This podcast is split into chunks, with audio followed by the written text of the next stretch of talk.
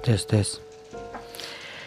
Halo sobat, balik lagi di Norono Party. Eh, sorry kalau gua eh, nggak rutin jadinya buat upload ini semua. Langsung aja cerita horor lagi buat kalian.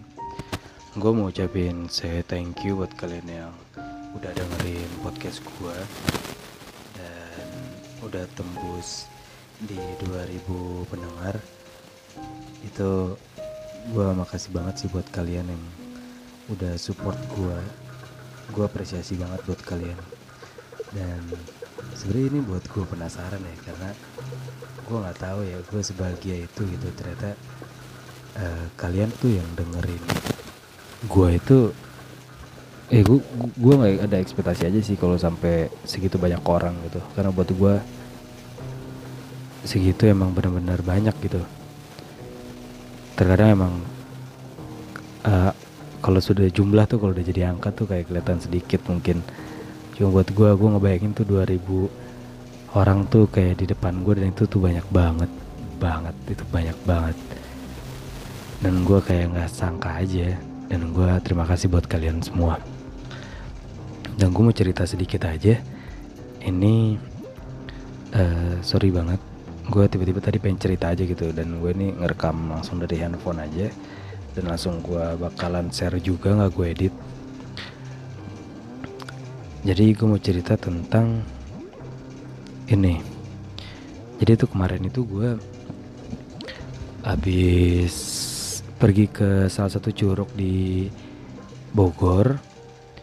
Terus kan gue itu berdua sama temen gue jadi gue ngerencanain tuh buat uh, ini camping. Jadi hari Sabtu, Sab, iya malam Minggu, gue berangkat jam sekitar jam 7 malam tuh hari Sabtu gue berangkat dari rumah. Terus nyampe sono itu sekitar jam setengah sembilan malam. Gue berdua doang sama temen gue namanya Malih. Dan di situ gue itu Nenda berdua. Nyampe sono ekspektasi gue tuh kan mereka itu punya camping ground gitu kan. Jadi oke okay, malam minggu nih bakalan rame gitu kan. Dan nyampe sono gue udah nyampe. Singkat cerita itu tuh benar-benar gue naik motor ke sana dan jalannya itu makin lama makin se makin sepi. Ya karena udah malam sih ya. Makin sepi dan terus juga makin kecil gitu ya benar-benar ke desa gue lupa nama desa apa. Uh, belum ada lampu jalan di sana. Jadi kayak gelap banget lampu cuma dari motor gue doang. Masuknya itu udah emang udah rada creepy gitu. Terus gue ditolong.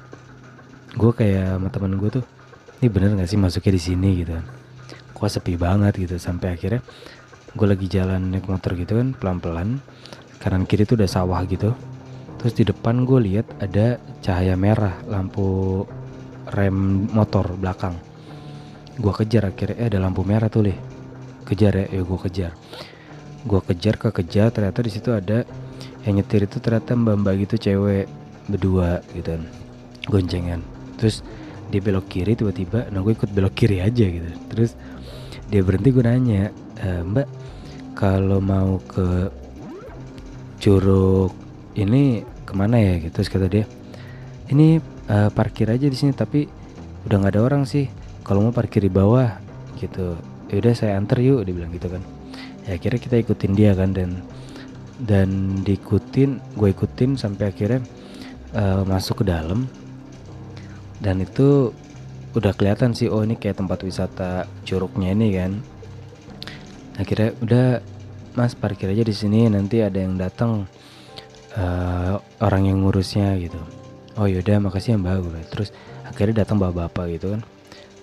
Dia nanya mau camping? Terus kata gue iya kang mau camping. Yaudah motornya parkir di sini aja. Uh, ikutin saya. Yaudah gue ikutin. Kan itu bener-bener gelap cuman cahaya bulan doang.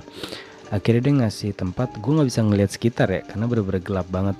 Ada sih bangunan-bangunan kayak buat kantin gitu paginya orang jualan gitu kelihatan gitu. Cuman lampunya nggak nyala jadi kayak ya terbatas lah pandangan. Akhirnya hampir sampai akhirnya gue dikasih e, mas di sini aja kalau mau dirin tenda. Oh ya udah oke okay, gitu. Gue dirin tenda situ akhirnya bapak bapaknya cabut. Besok pagi kita ketemu lagi gitu. Nah yaudah akhirnya gue dirin tenda sama si Mali berdua. Tenda selesai kita buat makan dulu kan buat makan sambil ngobrol-ngobrol gitu. Dan akhirnya setelah kita ngobrol sampai jam setengah satu malam itu nggak ada yang bisa kita pandang sih kita dalam tenda aja berdua. Sorry iklan. Nah di setengah satu malam itu gue cuman gue udah asik lah ngobrol tuh sama rada-rada ngantuk kan berdua tapi itu kondisi itu pintu tenda itu nggak ditutup. Kita buka dan kita kayak duduk hadap-hadapan gitu ngobrol. Samping kita itu ya pintu gitu maksudnya kayak nyampingin gitu. Nggak membelakangi pintu nyampingin pintu. Jadi gue bisa ngeliat keluar ke arahnya Mali gitu. Mali bisa ngeliat keluar ke arah gue gitu. Nah tiba-tiba tuh ada ada suara apa ya? Suara ranting patah gitu kan. Kertek-kertek gitu patah. Dan gue kayak ma em, karena di situ emang bener-bener sunyi cuma ada suara gua sama suara lagu kecil gitu kan kita nyetel lagu. Dan suara jangkrik itu pun jangkriknya nggak yang berisik banget gitu. Jadi ya emang kayak ya semua sunyi lah gitu kita ngobrol berdua. Dan ada suara ranting kayak pengen patah itu tuh kayak ibaratnya kayak dinaikin sama uh, sesuatu yang berat lah ibaratnya. Entah misalnya sebesar monyet dan rantingnya kecil gitu kertek kertek kertek. Kita dengar terus kayak berhenti bentar gitu ngobrol terus kayak itu apaan tuh? gitu. Suara ranting kelawar kali gitu. Habis habis kayak gitu tuh rantingnya jatuh. Truk tar jatuh kena tenda gua terus kayak ngeliat oh ya ranting. Habis ranting jatuh kayak ada kelapa itu jatuh. Itu tuh kayak 10 meter dari tenda gua dan posisinya itu adalah posisi gua yang bisa ngeliat. Jadi di belakang malih gitu serong. Karena gua ngeliat dari pintu kan pintu tenda kan. Duk jatuh.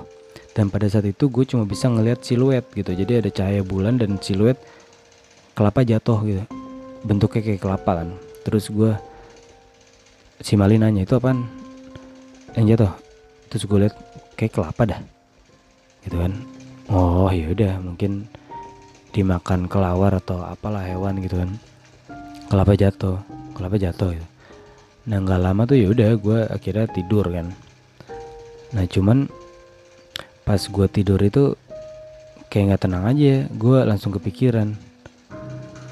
Itu ranting kenapa ya jatuh ya ya udah sih paling kelawar. Ya udahlah akhirnya gue bisa tidur berdua. Dan besok pagi tuh gue bangun sekitar setengah enam. Setengah enam pagi tuh gue bangun.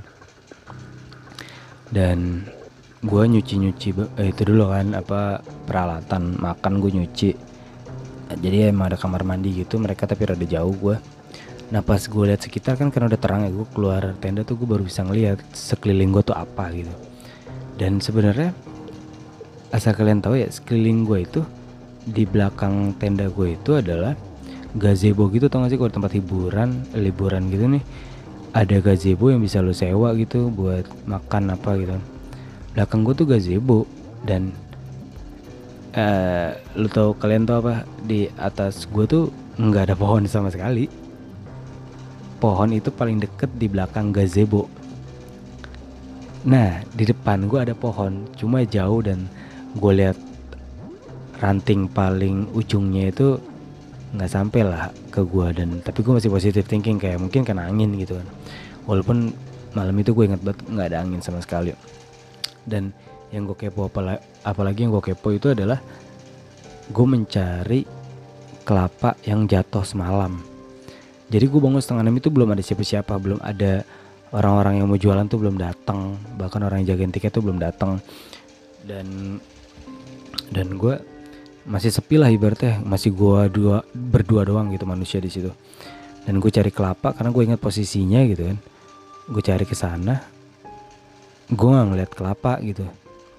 Dan pas gue lihat sekeliling ternyata sama sekali nggak ada pohon kelapa. Sama sekali bener-bener nggak ada pohon kelapa di situ. Bahkan pohon yang mirip kelapa aja nggak ada. Bener-bener nggak ada pohon kelapa. Ya pohon-pohon semua yang berdaun kecil dan berdaun banyak gitu yang kayak pohon mangga pohon apalah pokoknya. Banyak banget dan sama sekali nggak ada pohon kelapa. Dan di deket kelapa jatuh itu titik itu gitu seingatan gue gitu.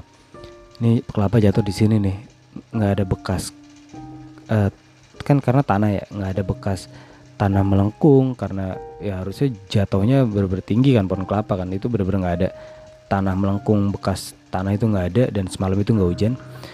Dan deket tempat kelapa jatuh itu gue ngeliat ada tembok gitu setinggi satu setengah meter. Dan gue penasaran nih apa? Kok ada tembok gitu kan? Temboknya itu bentuk kotak gitu tapi rada gede kayak 5 meter kayak 5 meter mungkin. Nah terus gue nengok ke kotak itu tuh ke tem balik tembok itu gue lihat ternyata di situ ada kuburan kayak kuburan keluarga gitu. Ada tiga kuburan gitu. Um, terus gue ngeliat kayak oh kuburan oh ya udah oke okay, gitu maksud gue ya mungkin semalam gue disengin aja gitu. Dan akhirnya gue cuci piring dan lain-lain selesai dan mulai berdatangan orang-orang yang jualan gitu kan. Ya gue akhir akhirnya menikmati aja liburan gue di Curug gitu kan. Cuman habis itu gue ngobrol sama si Malih kayak uh, semalam gue kayak make sure itu semalam tuh bener gak sih kayak kelapa jatuh gitu kan? Bunyinya terus kata dia ya kalau lu bilang kelapa sih suaranya cocok gitu. Kayak kelapa sih jatuh ke tanah gitu dep gitu kan. Dan ranting jatuh oh iya gue lupa. Ranting yang jatuh yang kena tenda gue itu tuh kayak apa ya? Bener-bener kayak kena tenda gue nih dan gue cari nggak ada bener-bener nggak ada. Dan ya udahlah gitu. Udah pagi juga kan buat gue kayak oke okay, gitu. Kita dikerjain semalam dan ya it's okay gitu. Ya buat gue sih kadang seru aja gitu ya. Karena hal begitu kayak nggak ya nggak sering gitu dan jarang aja. Jadi gue dapat momen kayak gitu tuh seru buat diceritain lagi. Makanya gue pengen banget cerita kalian sebelum lupa gitu.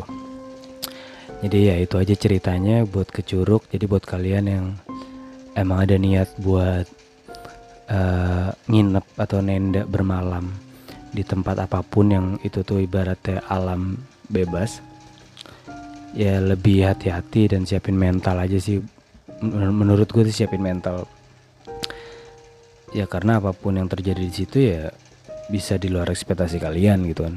Yang penting kalian siap aja. Seru sih gitu. Dan jangan lupa bawa center